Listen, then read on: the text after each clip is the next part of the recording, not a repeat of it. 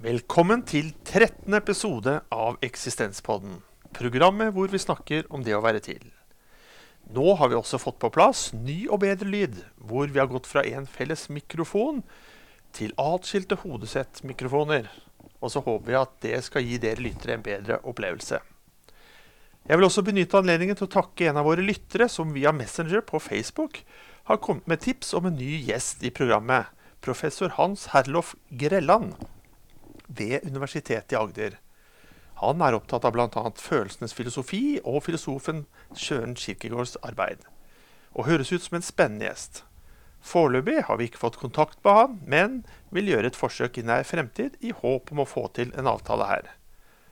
Dersom du som lytter også har en anbefaling om en mulig gjest, kan du også gjerne ta kontakt via Messenger gjennom å søke opp mitt navn og gi meg en beskjed her. Nok om det. Nå må vi over til dagens gjest. Og dagens gjest er Andreas Ribe. Du har blitt anbefalt av vår tidligere gjest Håkon Lingard Gaugstad. Først og fremst takk for at du ville komme. Takk.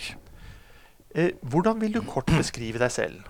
Ja, jeg er jo Jeg har eh, filosofiutdannelse i, i, bagasjen og filosofisk praktiker. Jeg holder nå på med avslutning av doktorgrad i filosofi som uh, litt spesiell. Fordi jeg har også og Ni år tilbake så var jeg i en situasjon hvor jeg eh, begikk et drap. Ja. Eh, og siden det har jeg sittet i fengsel. Så Og det var jo et veldig sjokk på alle mulige måter for meg, egentlig. Um, så etter en liten stund så ble det slik at eh, vi fant ut vi skal, at det blir, vi lager en doktorgrad om denne erfaringen. Eh, så det er, det, jeg skal, det er liksom slutten av den doktorgraden, da. Begynte du på doktorgraden mens du var i fengsel? Eller? Ja, jeg gjorde det. Ja. Mm. Har, eh, men det har liksom vært en lang fase, egentlig.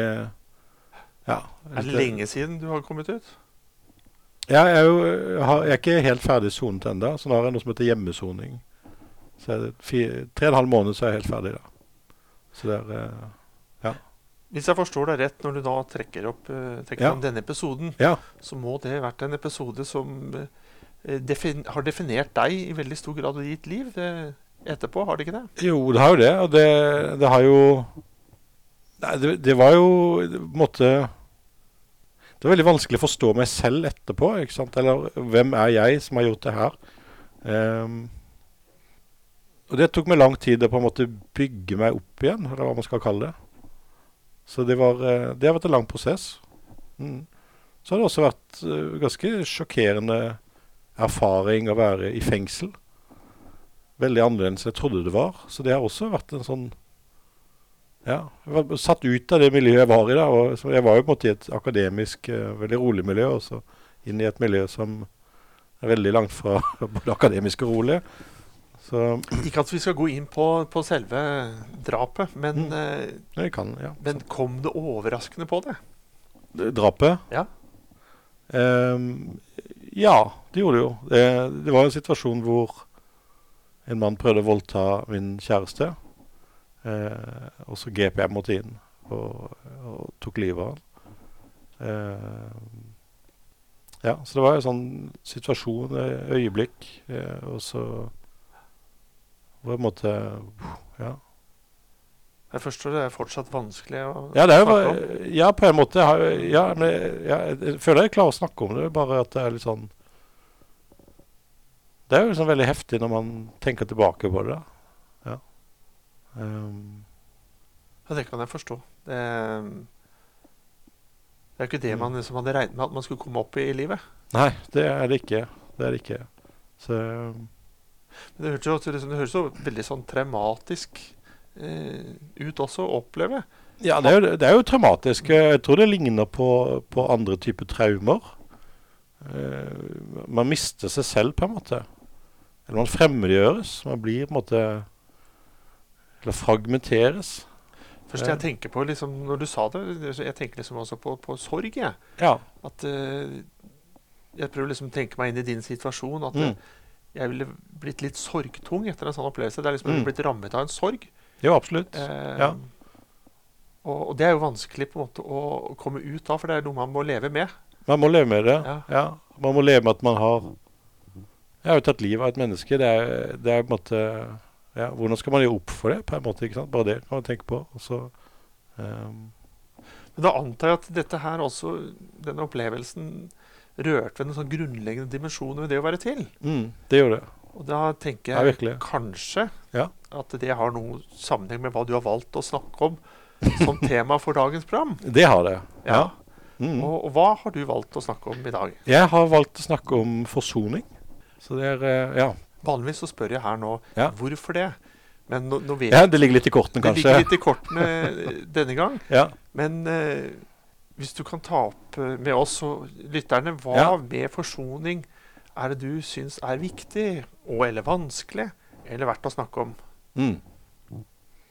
Det er jo egentlig ganske mye. Ehm, jeg opplever forsoning nesten som et, eh, altså et veldig grunnleggende tema i eksistensen i det hele tatt. Ikke bare for meg, tror jeg, for, for de aller fleste. Men altså med, I forhold til denne situasjonen så er det jo det litt sånn åpenbare å forsone meg med eh, det som skjedde. eh, eller med meg selv, kanskje. Um, men, men jeg tror det også er et tema som veldig mange egentlig kjenner på. At det, det er et slags sprik, f.eks. At man, man ønsker man å være litt annerledes enn man var, og så er man ikke det. Og hvordan skal man måtte klare å være slik man ønsker å være? Jeg tenker litt, Du, du sa nettopp i stad at, eh, at det kan også liksom ligne også på andre traumer. Mm.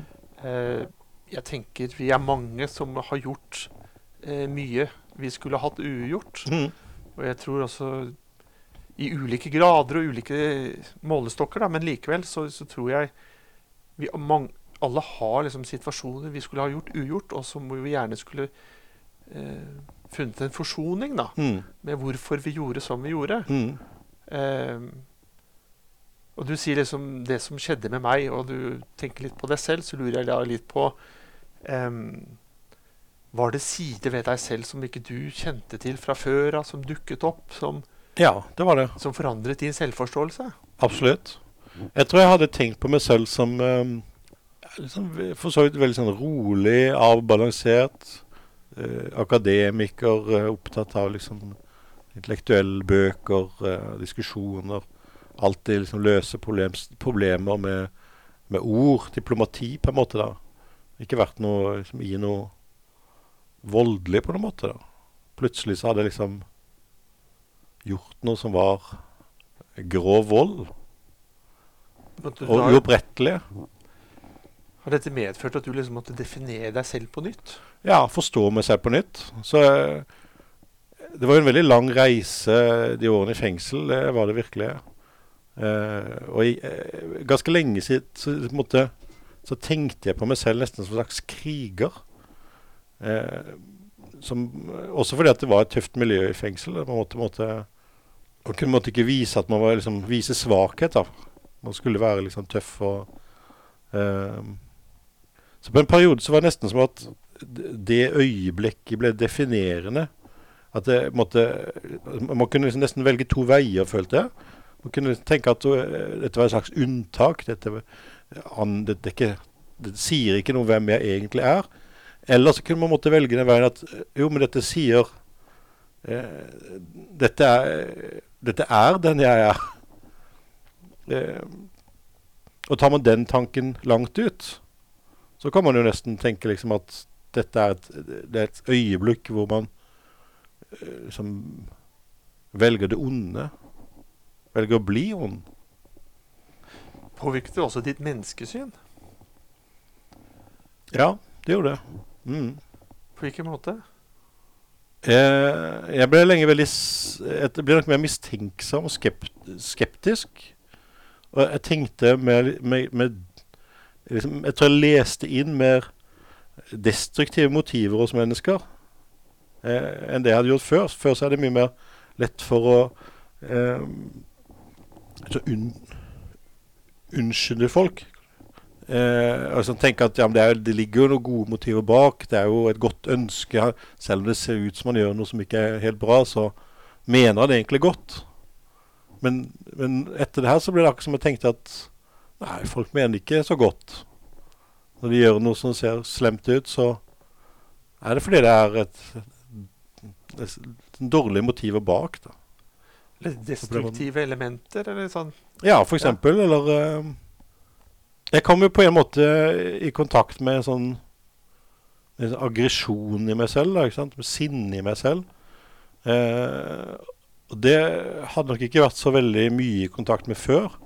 Jeg hadde kanskje mer liksom skjøvet litt unna, eller eh, De årene, særlig i starten av fengsel, så var det også sånn at jeg måtte det, det, var akkurat som du måtte liksom vise Du måtte liksom vise tennene. da Hvis ikke du gjorde det, så ble du en som ble plukka på. Eh, så det, det, gjorde at jeg i enda større grad eh, gikk inn i sinnet, da.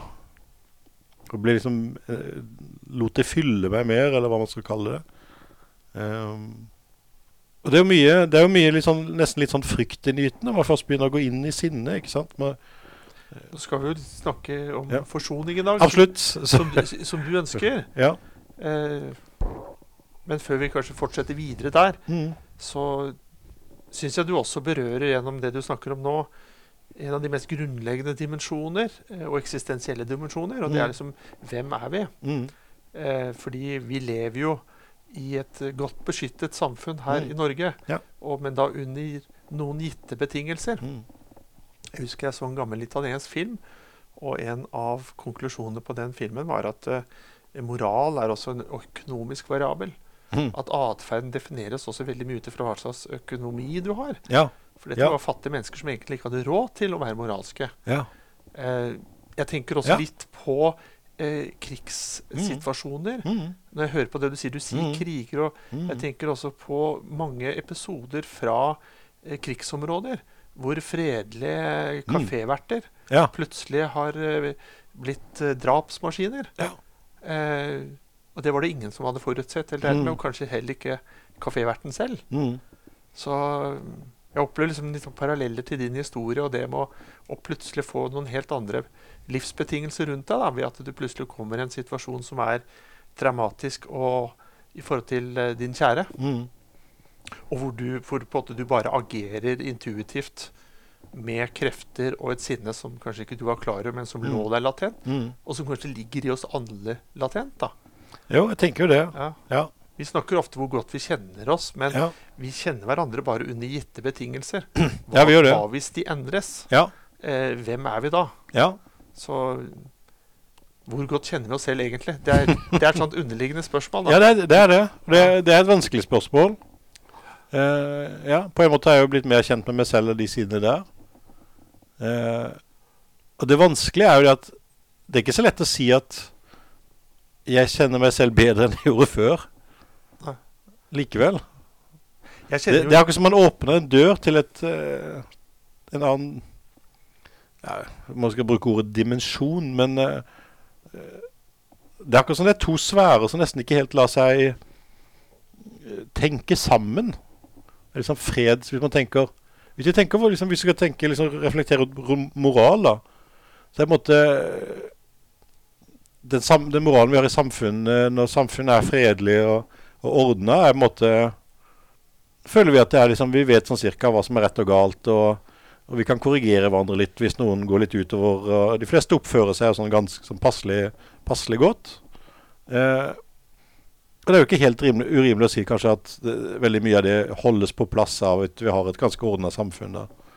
Eh, hvor vi f.eks. slipper vi slipper å kjempe for mat og overlevelse, og vi slipper å få, kjempe for trygghet. og så er da moralen måte bare Hva skal vi si eh, Ja, er det økonomi, da, vi skal si på den måten?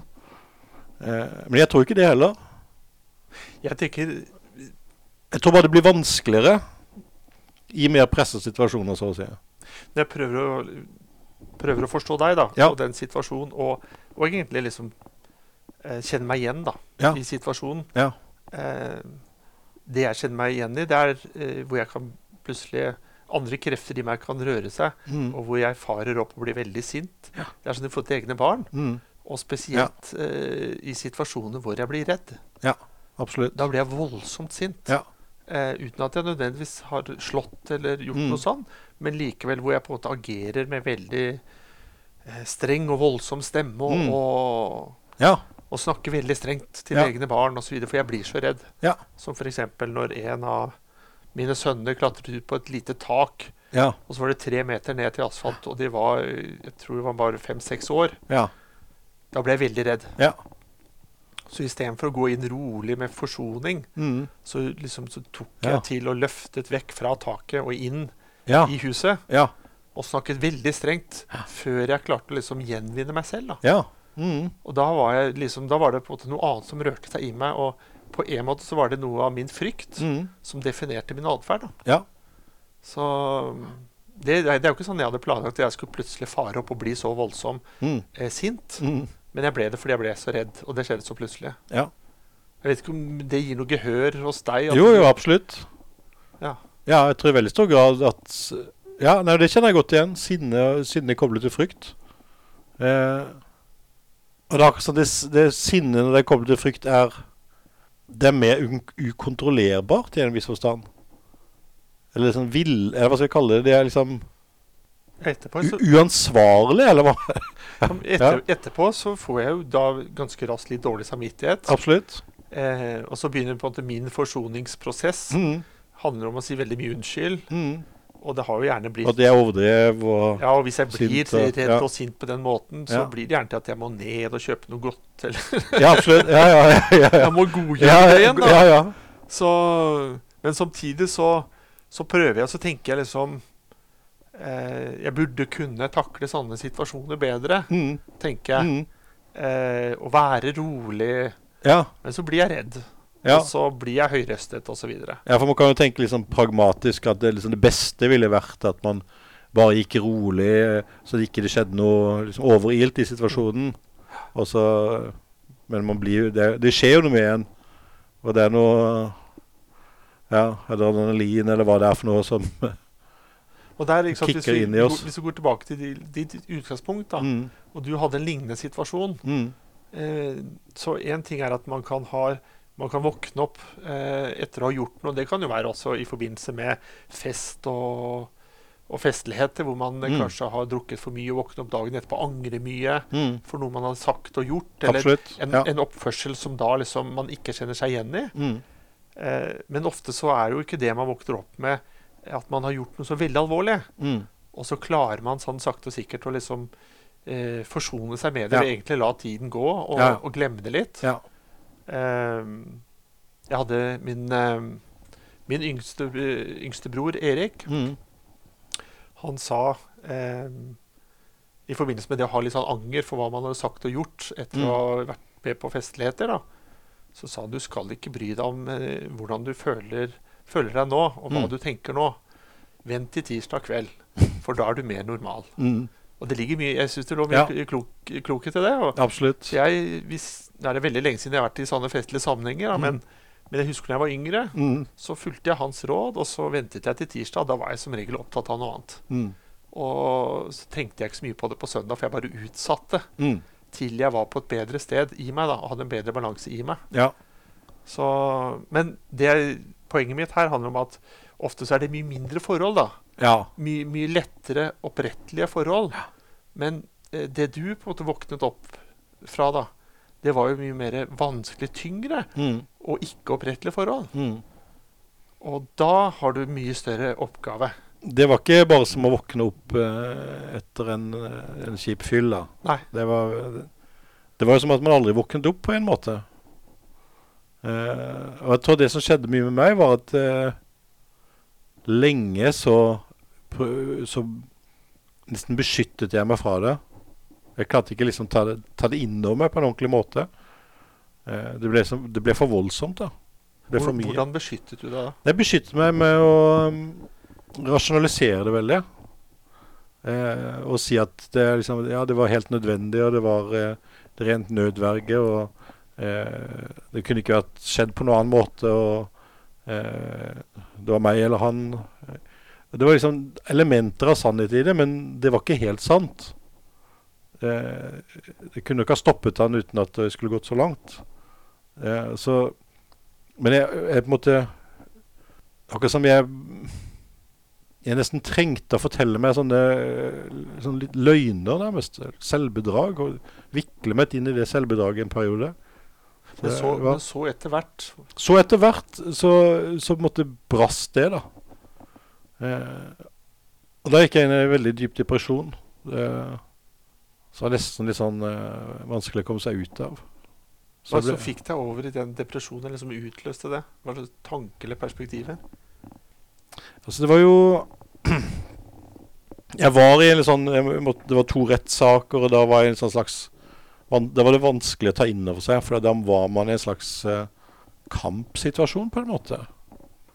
Uh, det, ligger, det er liksom ikke Det ligger ikke til rette for å angre, på en måte, i en sånn situasjon.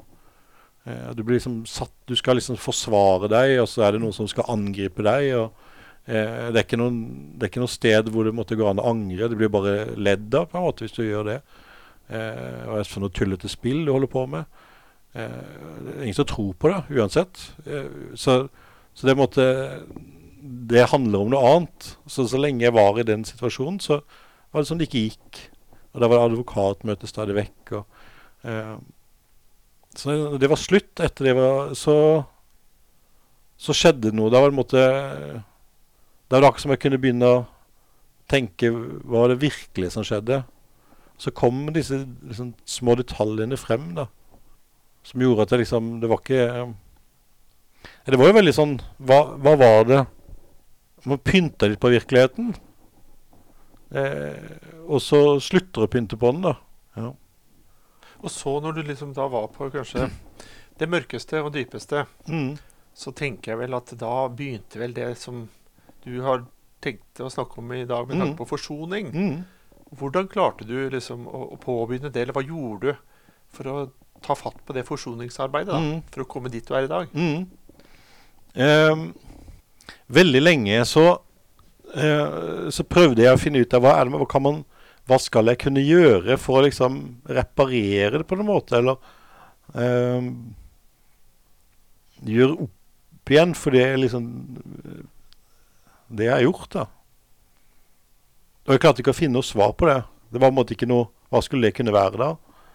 Eh, Men så men så, ja, så da, da gikk jeg liksom inn i flere faser. Så en lang fase var inne nesten en sånn slags eh, um, Sånn kontemplativ uh, stoikerfase. Hvor det ble en slags uh, liksom nesten selvutslettende, eller? Hvor det gikk opp i noe større, eller noe upersonlig? Uh, ikke, ikke riktig enda. Um, da gikk jeg veldig mye sånn inn i meg selv og tenkte at ok, nå må jeg bare uh, så Nå må jeg liksom være dønn ærlig. Nå skal jeg ikke skjule noe som helst. Jeg skal på en måte bare Jeg skal beskrive alt jeg føler, alt jeg tenker. Um, og bare legge det ut, på en måte. Så jeg skrev ut alt mulig rart. Um, Men det, denne ærligheten, var det på en måte en uh, sånn tidlig forløsende faktor? mm, Ja. Det vil si. Det, jeg tror det var ganske avgjørende at jeg holdt på med det. Uh, når sånn ser tilbake på det, så, så er det akkurat sånn det at dette selvbedraget holdt meg på en måte i en slags fremmedgjøring. Eh, hvor jeg ikke kom i kontakt egentlig med meg selv. Hvor liksom jeg ble Jeg ble en annen person. Og ærligheten var det som måte dro meg tilbake igjen. Men snakker vi om en, en forholdsvis tøff ærlighet også? Veldig tøff ærlighet. Helt nådeløs ærlighet, egentlig. Så bare hvor alt mulig De verste Altså alle tanker, alle følelser, det skulle jeg skrive ut. Eh, og sette på papir. Ikke for nødvendigvis at noen skulle lese det, men eh, så at jeg skulle ha det der, på en måte. Eh, og det var veldig tøft i starten. Det var fordi at det er jo ja, jeg, jeg, tror jeg, jeg, tror, jeg tror egentlig alle lyver litt for seg selv. Pynter litt på hvem man er, hva man tenker. Eh, liksom, vi, før gjorde jeg egentlig det. Jeg, jeg tror ikke jeg tror bare ikke jeg tenkte sånn på det. Jeg tror jeg tenkte at jeg er egentlig en god person, og jeg ønsker folk vel. Eh, og så hvis det kommer noe litt sånn Noen ganger så har vi jo litt sånn Vi kan ha litt hevntanke, ikke sant? han skulle ha fått, så gjorde han det mot meg. Og, eh, og så bare undertrykker vi det litt, så vi bare skyver det litt bort og bare later som det ikke helt er der. Jeg tror til og med vi kan ha litt sadistiske tanker.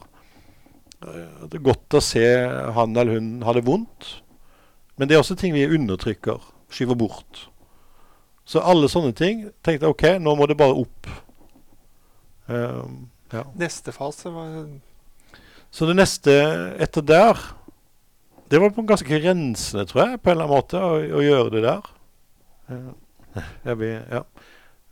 Um, det er kanskje det som liksom var det mest liksom, avgjørende etter det. det var, da ble jeg jo med på en slags sånn klosterretreat i fengselet. Det var liksom etter noen år. Eh, hvor jeg hadde en veldig sånn avgjørende Det var jo sånn ja, Gnatiansk retreat, hvis jeg sier noen ting.